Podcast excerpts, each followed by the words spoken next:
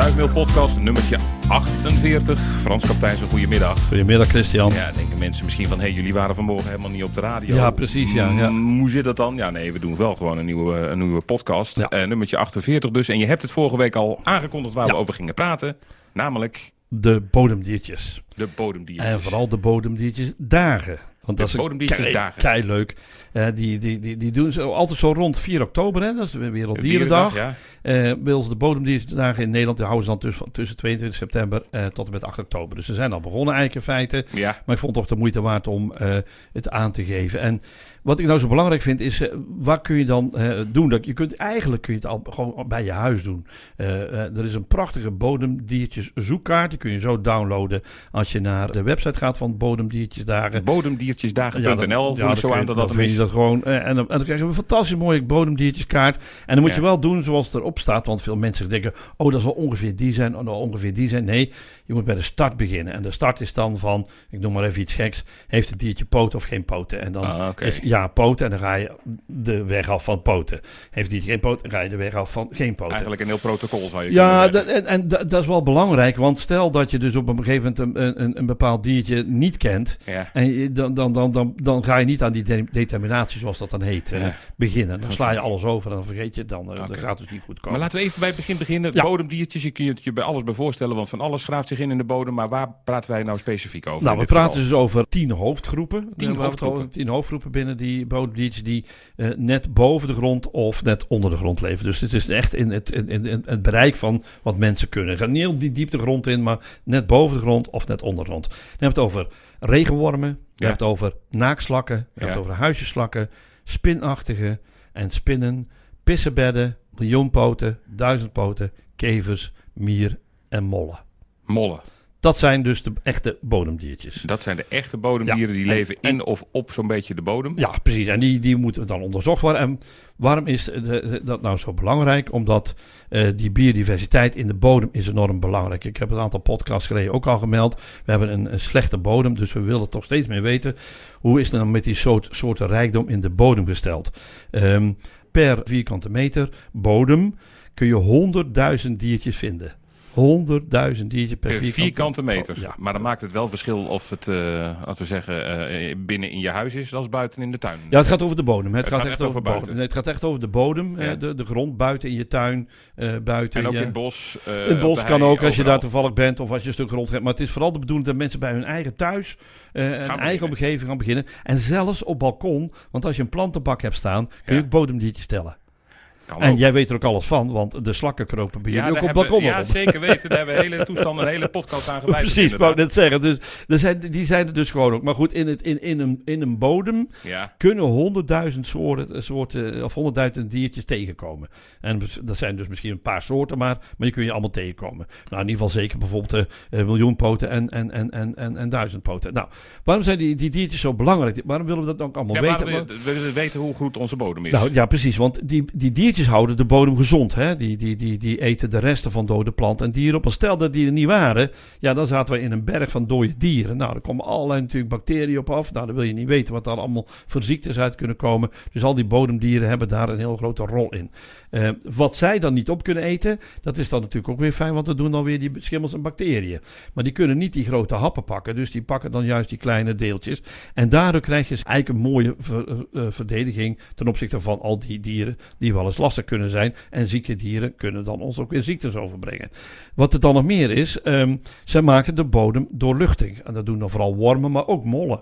Hè, dus doordat er allemaal maar gegraven wordt en komt er allemaal bodem op zijn kop gezet wordt, krijg je een mooie doorluchting. En doorluchting betekent dat het geen strak vaste bodem wordt, want dan kan er met niks meer doorgroeien. Dat is weer heel ideaal voor planten.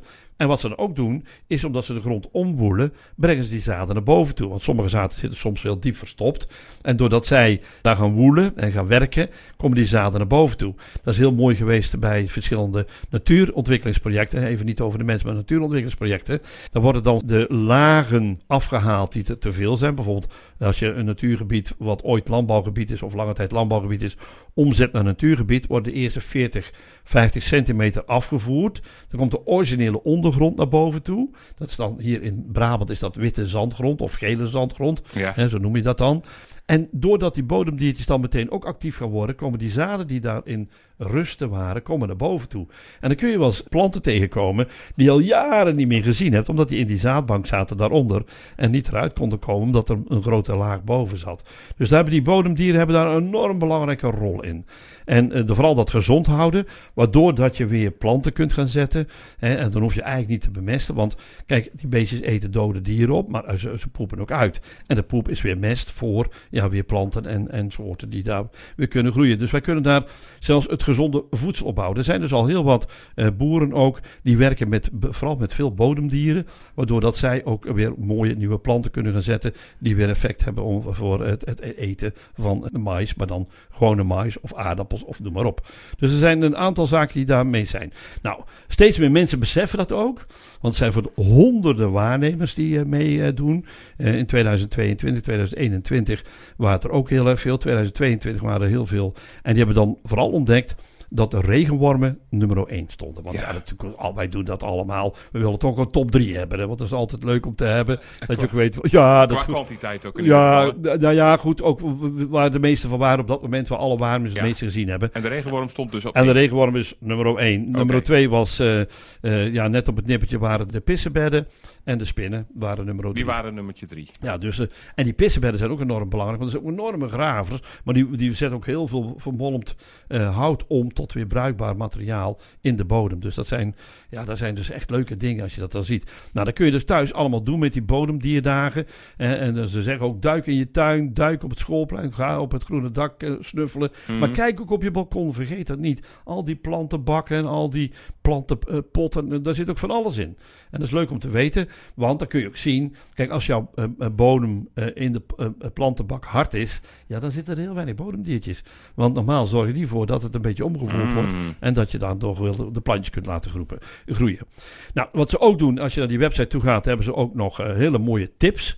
Uh, tips om, uh, nou, over, over die bodemdieren zelf dan natuurlijk. Maar, en dat heette dan de Tiny Ten. De Tiny Ten. De Big Five en de Tiny Ten. Ja. dus, Hoewel er nogal in, in afmeting nog wel een verschil tussen een pissenbed en een mol is, mag ik zeggen. Ja, dat, dat dan wel. Maar goed, ik bedoel, dat is maar peanuts. Hè. Ik bedoel, het gaat ja. om het aantal soorten. Kijk, en mollen zijn er minder dan bijvoorbeeld pissenbedden. Ja, uh, dat, dat, is ook alweer zo. Dus in die zin.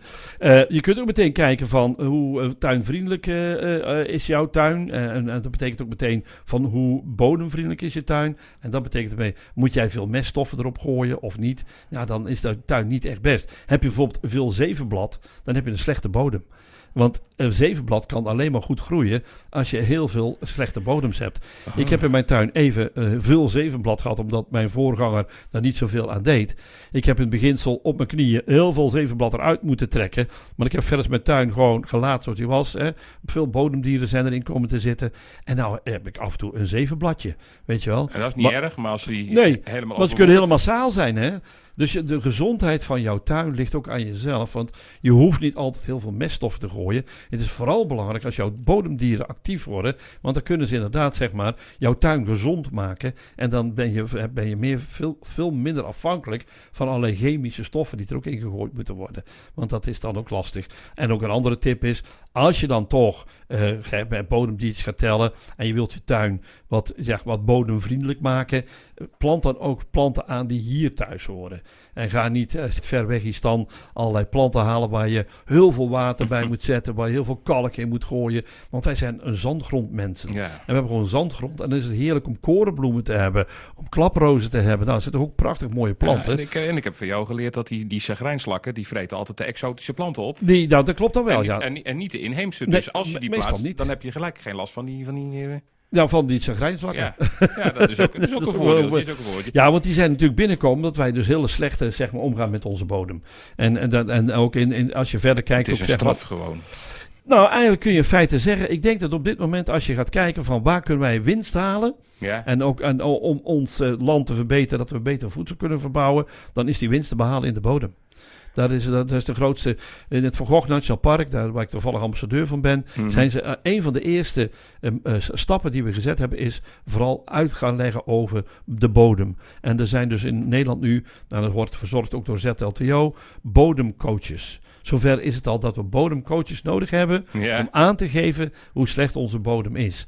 En eh, je kunt bij een heleboel organisaties, ook voor een, een happenkras, kun je je bodem laten meten van wat heb je tekort. Hè? En vanaf dat moment moet je je bodem gewoon de dieren het laten doen. Ja, want nu hebben we dus geteld. Hè? Stel, mensen gaan nu massaal tellen, gaan allemaal naar, en nog even de website, ja, de bodemdierendagen. bodemdierendagen.nl. Ja. Daar kun je dus tellen en daar wordt ook een beetje geholpen met wat je nou precies tegenkomt. Ja. Dan hebben we dat geteld. En dan? Wat is dan de volgende stap? Nou, de volgende stap is dat eh, dan de mensen die daar eh, al die gegevens verzamelen, gaan zien eh, waar nog slechte bodems zijn. Mhm. Want je kunt dat zien doordat er weinig diertjes zijn bijvoorbeeld.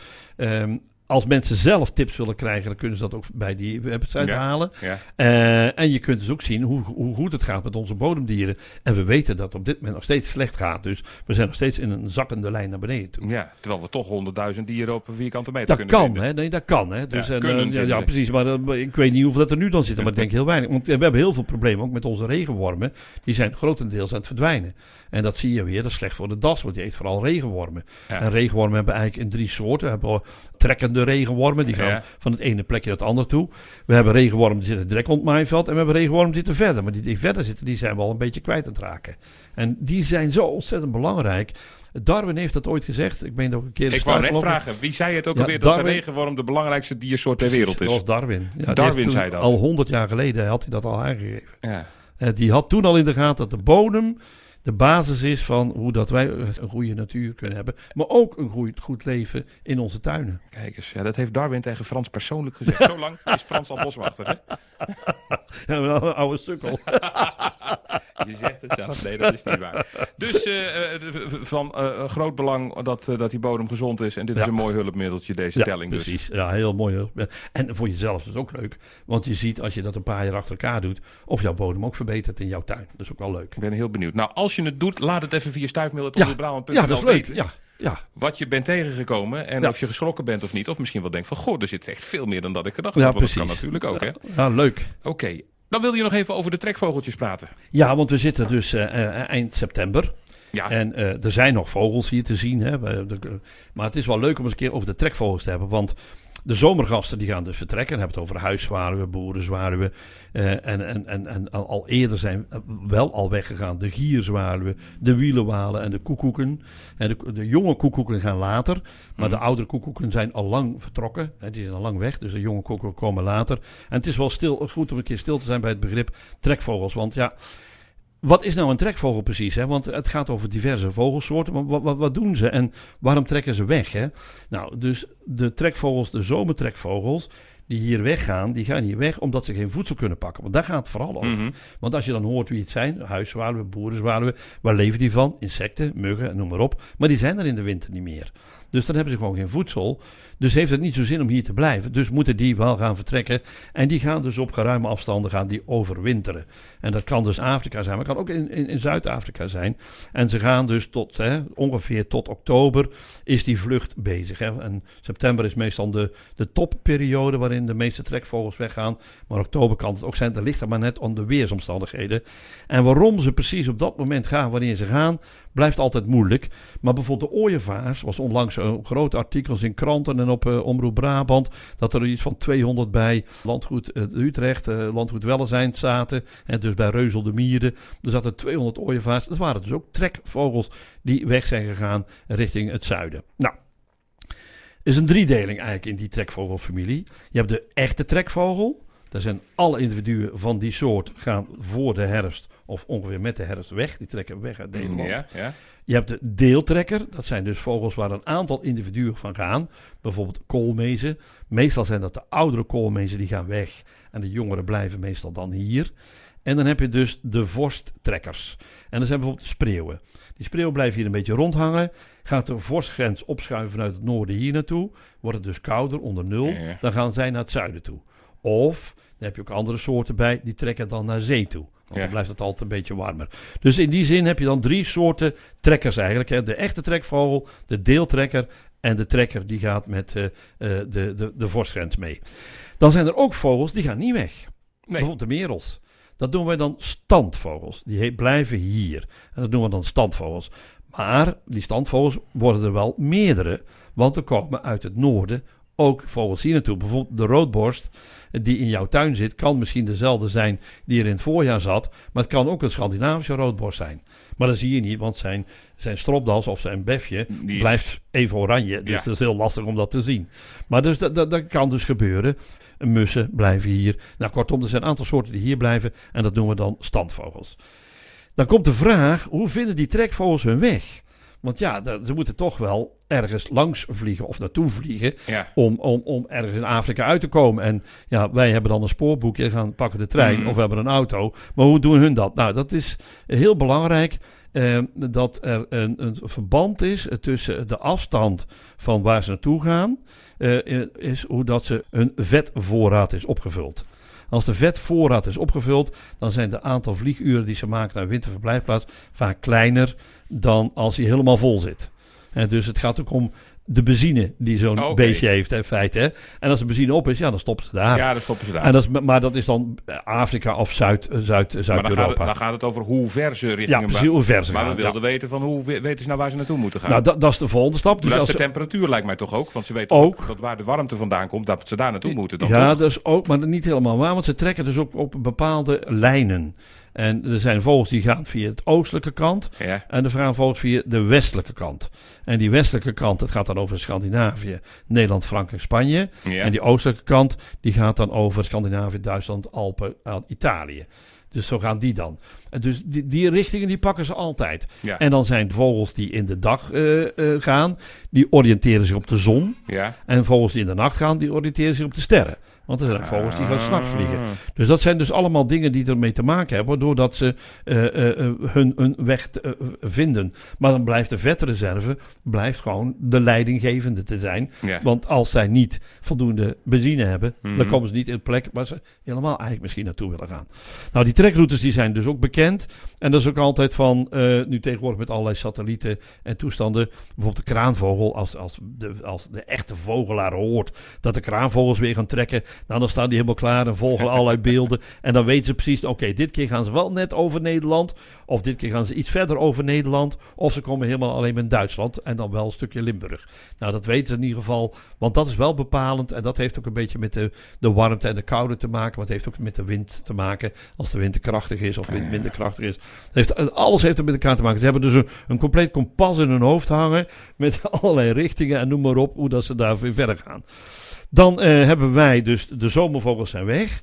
Eh, dat zijn dus de broedvogels. Maar dan hebben wij op ons beurt krijgen wij de wintertrekkers hier naartoe. En die komen dan uit Scandinavië. Er zijn ook hele mooie soorten bij, zoals de kleine zwanen, de grote zwanen. En in Brabant is dat wel leuk, want de kleine zwanen zitten op een aantal plaatsen in Brabant. En dat zijn van die prachtig mooie witte beesten, die dan heel anders uitzien. Ze zijn ook al wit als de knobbelzwaan. Mhm. Maar ze zien veel sierlijker uit, hebben een mooie snavel. En die komen dan hier naartoe. Maar ook de beflijsters, de, eh, de, de, de koperwieken, de die komen allemaal hier naartoe. Omdat hier nog voedsel is, hè, dus eh, herfstvoedsel. En ze blijven dus hier, eh, omdat ze in een hoge noorden te koud geworden is. En nou zie je tegenwoordig wel wat veranderingen. Omdat kramsvogels en koperwieken komen wel. Maar ze komen allemaal minder, omdat in het noorden ook warmer wordt. Dus ze blijven ook steeds vaker in het noorden hangen. Nou, dan heb je nog eh, tot slot de vogels die meegaan met eh, hele moeilijke situaties. De pestvogel bijvoorbeeld. Als het dan heel, heel slecht is. Vroeger dachten ze dat er pest uitgebroken was, maar dat klopt niet helemaal. Maar daar krijgt hij wel de naam van. Ja, maar hij heeft de naam dan gekregen omdat ze dat dachten. Maar die ze komen dus hier naartoe. En ook notenkrakers als het daar extreem slecht weer is. En als het heel goed weer is, blijven die daar ook gewoon. Nou, ze hebben weer Er een wordt wat gevogeld in de Ja. wereld. Ze hebben eerst heel veel gehoord van wat er onder ons allemaal gebeurt en ook wat er boven ons gebeurt. ja. Frans, dankjewel Graag voor deze weer. En eh, heb je vragen, opmerkingen, et cetera, stuifmail met ai.omroepbrabant.nl. Daar kun je je altijd even melden. Altijd leuk. Eh, tot de volgende. Tot de volgende keer.